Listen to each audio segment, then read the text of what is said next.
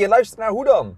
De podcast over hoe je naar een andere soort organisatie kan gaan. Moderner, vrijer, geen bureaucratie, geen managers, dat soort dingen. Er zijn veel organisaties die dat willen, maar niet precies weten waar ze dan moeten beginnen. En daarom hebben wij onze podcast Hoe dan genoemd. Juist. Wat logisch is. En jij bent Lennart. En jij bent Cedric. Je kan dit luisteren in de auto, net als dat wij het opnemen in de auto. En je kan ons ook bellen. Of Wat? mailen. Hoe dan ook. Ga lekker luisteren naar de komende podcast. Sorry dat deze intro iets te lang duurde en sorry dat hij niet zo heel erg goed is. Maar ja, hè? we zijn zo lekker onszelf. Koop ook ons boek. Hallo allemaal. Hallo. Lennart, wat vinden wij van externe adviseurs? Ja, ehm goede vraag. We zijn er zelf natuurlijk een stelletje externe adviseurs. Het gaat ook over onszelf, ja. Ja. Maar dat hoeft natuurlijk niet te betekenen dat we het ook hartstikke goed vinden. Nee, Externe adviseurs. nee. Nou ja, kijk, soms eh, eh, denk ik dat externe adviseurs best wel even frisse wind eh, en een scherpe blik, een soort neutrale, belangeloze blik de organisatie in kunnen duwen. Maar binnen Kito hebben we eigenlijk niet zo heel erg veel gebruik gemaakt. Pas de laatste tijd eigenlijk dat er weer wat, dat er weer wat externe adviseurs eh, Ja, bij komen kijken. Soms een jaar niet. Soms een jaar eh, op één hand te tellen, dan weer twee jaar niet. En dan weer een jaar één, op één hand te tellen. Het is eh, Ja. heel sporadisch. Dus nu bij één team een trainster aan de gang geweest. Het andere team overigens ook, maar dat was een soort barterdeal. En we hebben Fijke die aan de slag is gegaan, Fijke Kats. Ja. met een team over positionering. Ja. Eh, maar daarbij kun je ook wel weer de vraag stellen hoe extern is Fijke, omdat hij ook aandeelhouder is. Ja, dus dat is een eh, lastige. Maar als we het hebben gewoon over iemand die van buitenaf even een blik naar binnen komt werpen en, en, en daar zijn mening even, een, of hè, zijn bek en douw geeft en eh, met een idee komt. Het enige is, ja, het hangt natuurlijk heel erg van de externe adviseur uiteraard af, lijkt mij. Ja, oké, maar dan vind je- vind ik wel dat het. Natuurlijk, het hangt op de persoon af, maar ook over datgene wat hij doet.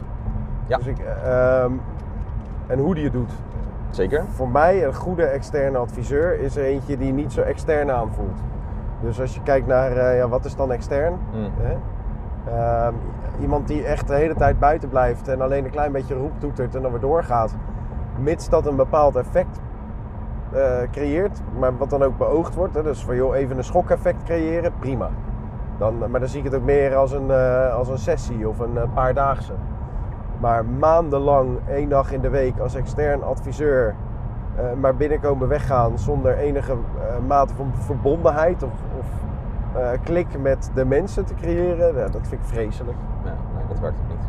Maar ik, ik, ehm, ik heb heel erg, als ik even voor mezelf spreek, een hele lange tijd gehad ook bij Kito dat ik eh, externe adviseurs, dat ik er niet zo heel veel zin in had. Omdat ik het idee had dat ik, eh, of dat we ook een stuk verder dachten dan menig externe adviseur ons kan adviseren. Zeg maar. En dan kon hij, ons, eh, kon hij of zij ons waarschijnlijk wel misschien op andere dingen adviseren. Maar dat, daar zat dan niet op dat moment of de frictie of het ding waar ik dan bijvoorbeeld naartoe zou willen. Nee, ik moest de externe, die moest vaak eerst vier of vijf afspraken worden ingewerkt. Ja, Of, of vier of vijf dagen, eh, zodat, zodat diegene echt heel de context begreep.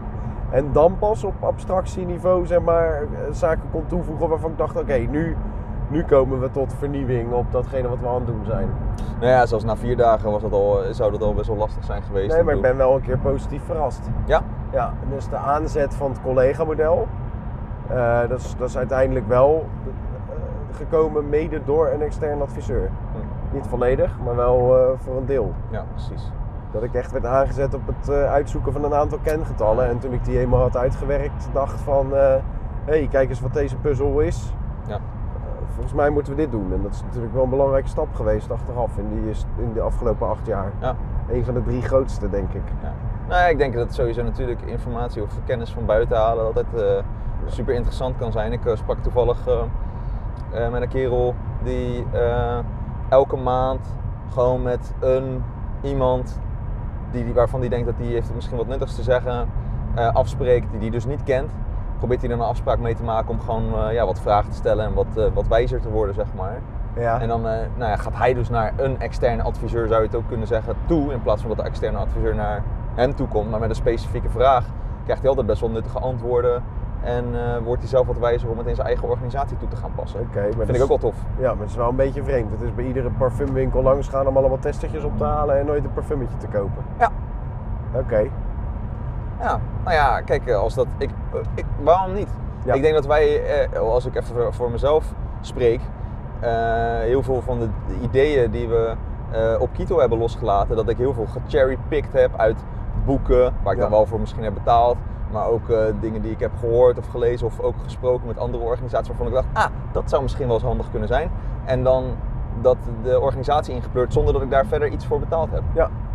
Dus ja, ja, waarom niet? Waarom niet? Zeker als de mensen het toch gewoon oké vinden om hun verhaaltje te doen of eh, ehm, iets uit te leggen aan die persoon die dat komt vragen. En ik, eh, ja, en dat is het toch wel lekker een soort van ego-strelend dat als mensen dan zeggen, ja, ik wil gewoon eh, jouw verhaal horen en ik wil weten wat jij te vertellen hebt. Maar dan toch denk, ja, dat vind ik ook wel leuk om te vertellen. Dus eh, tuurlijk, kom langs, weet je wel. En ja, ik, ik vind dan ook wel, in ieder geval als het een beetje business-wise is, eh, je weet nooit hoe een koe een haas vangt, dus misschien eh, vertelt hij het wel door. Of dat zijn hartstikke aardige gasten of toffe gasten. Of die hebben wel echt wat nuttigs te vertellen. You never know wat er Ja. dan uit gaat komen. Dus Ja.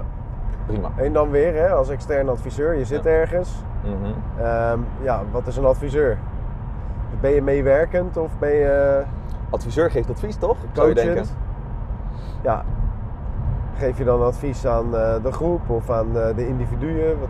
Ja, verschilt natuurlijk ook per vraag, denk ik. En ik denk dat je dus ook de ad- externe adviseur pas nodig gaat hebben als je ook echt ergens met een probleem zit. Als je dus niet per se met een probleem zit, dan is het ook voor een externe adviseur vrij moeilijk om. eh, daar moest er wel allemaal op van Hans Bustra met een probleem komen, weet je wel. Ja.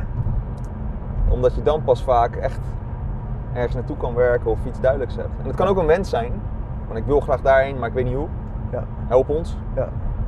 Ehm, en daar moet diegene natuurlijk helemaal op afgestemd zijn die dat dan, eh, die dat Ja. dan komt doen.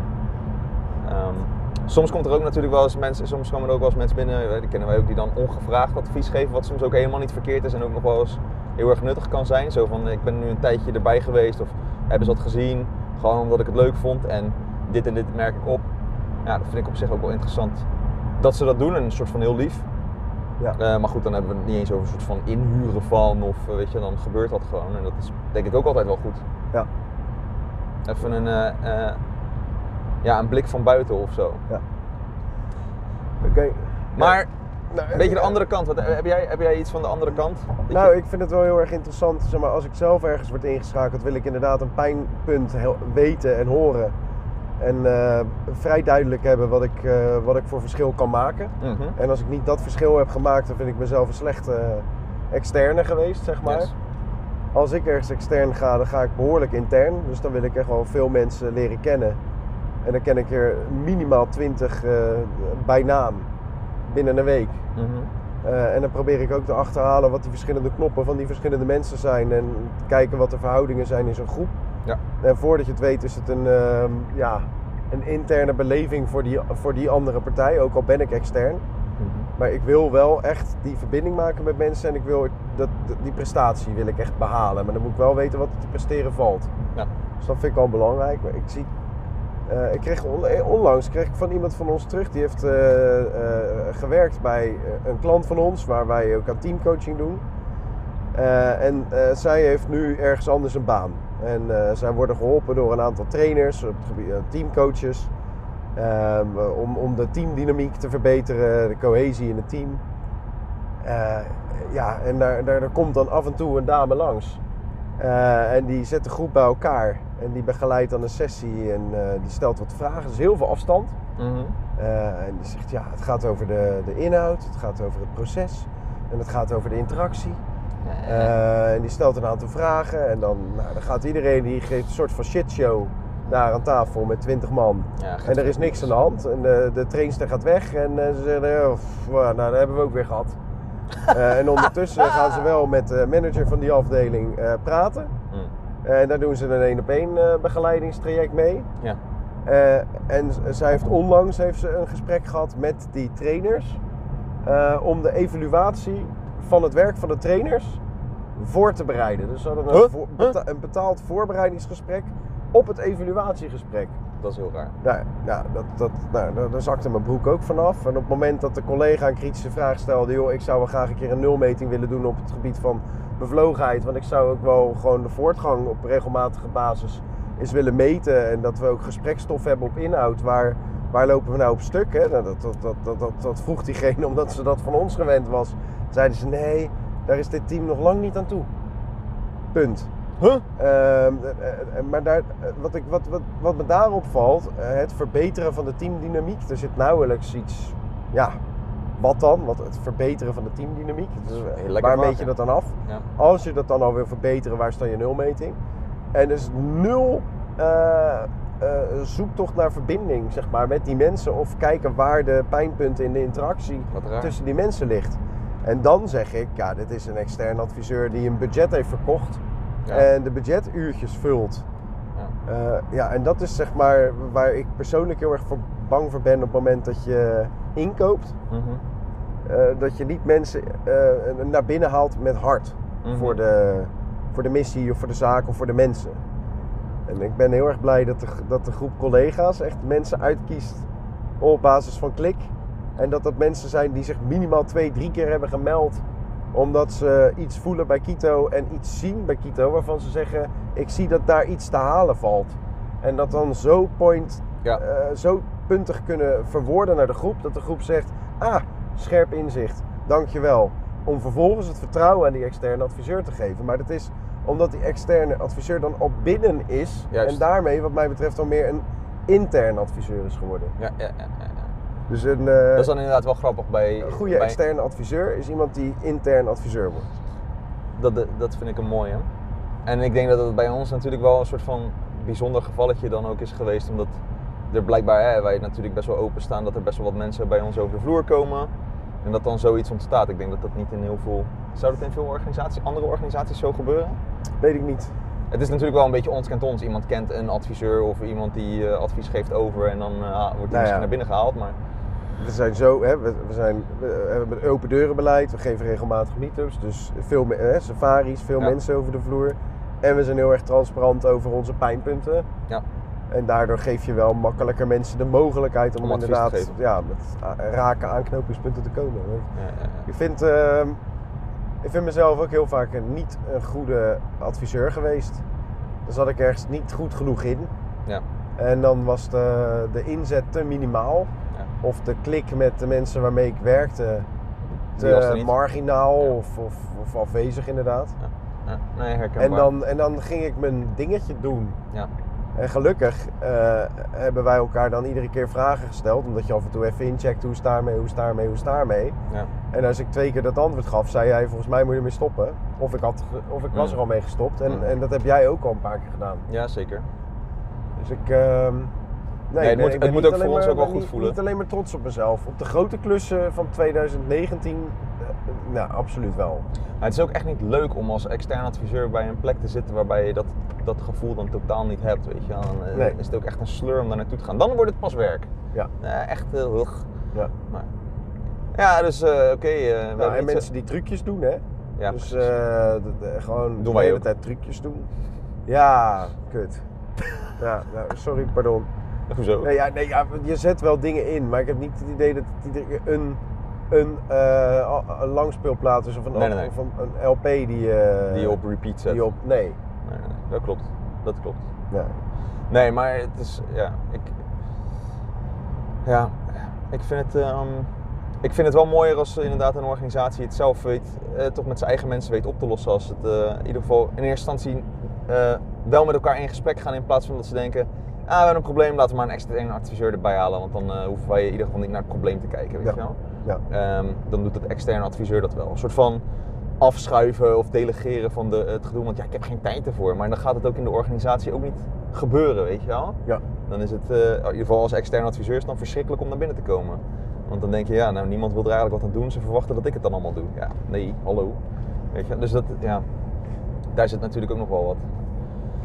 En dan heb je nog het, eh, het, het, het gevoel van, ja, nee, goed, als ik een externe adviseur neem, dan lost het zichzelf allemaal wel op. Ja, Mijn, eh, mijn collega's kunnen het niet. Terwijl als die collega's eh, zichzelf heel erg zouden verdiepen op het internet, veel zouden lezen. Komen ze Doe, kijk eens wat jij allemaal eh, aan boekenwijsheid en filmpjeswijsheid en eh, masterclasswijsheden zeg maar allemaal gecombineerd hebt en hebt omgezet in daadwerkelijk experimenten op de zaak om vervolgens les uit te trekken. Hè? Ja. En die lessen dan weer eh, de- te delen met anderen. En zo kreeg jij weer lessen van de buitenwereld en eh, zo ging het door. Ja. In feite, ja, het was continu interne, eh, intern adviseur, eh, extern geprikkeld.